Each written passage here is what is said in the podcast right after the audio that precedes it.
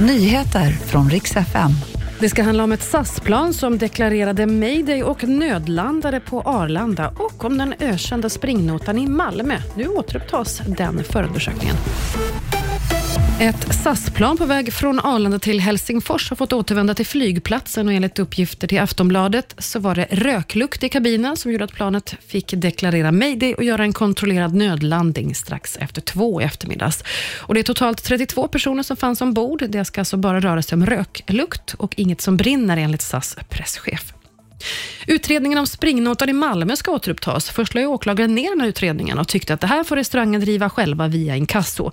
Men nu har de ändrat sig, dels för att det var ett stort allmänintresse och det handlar alltså om ett sällskap som åt och drack för 82 000 kronor. Det blir en förundersökning.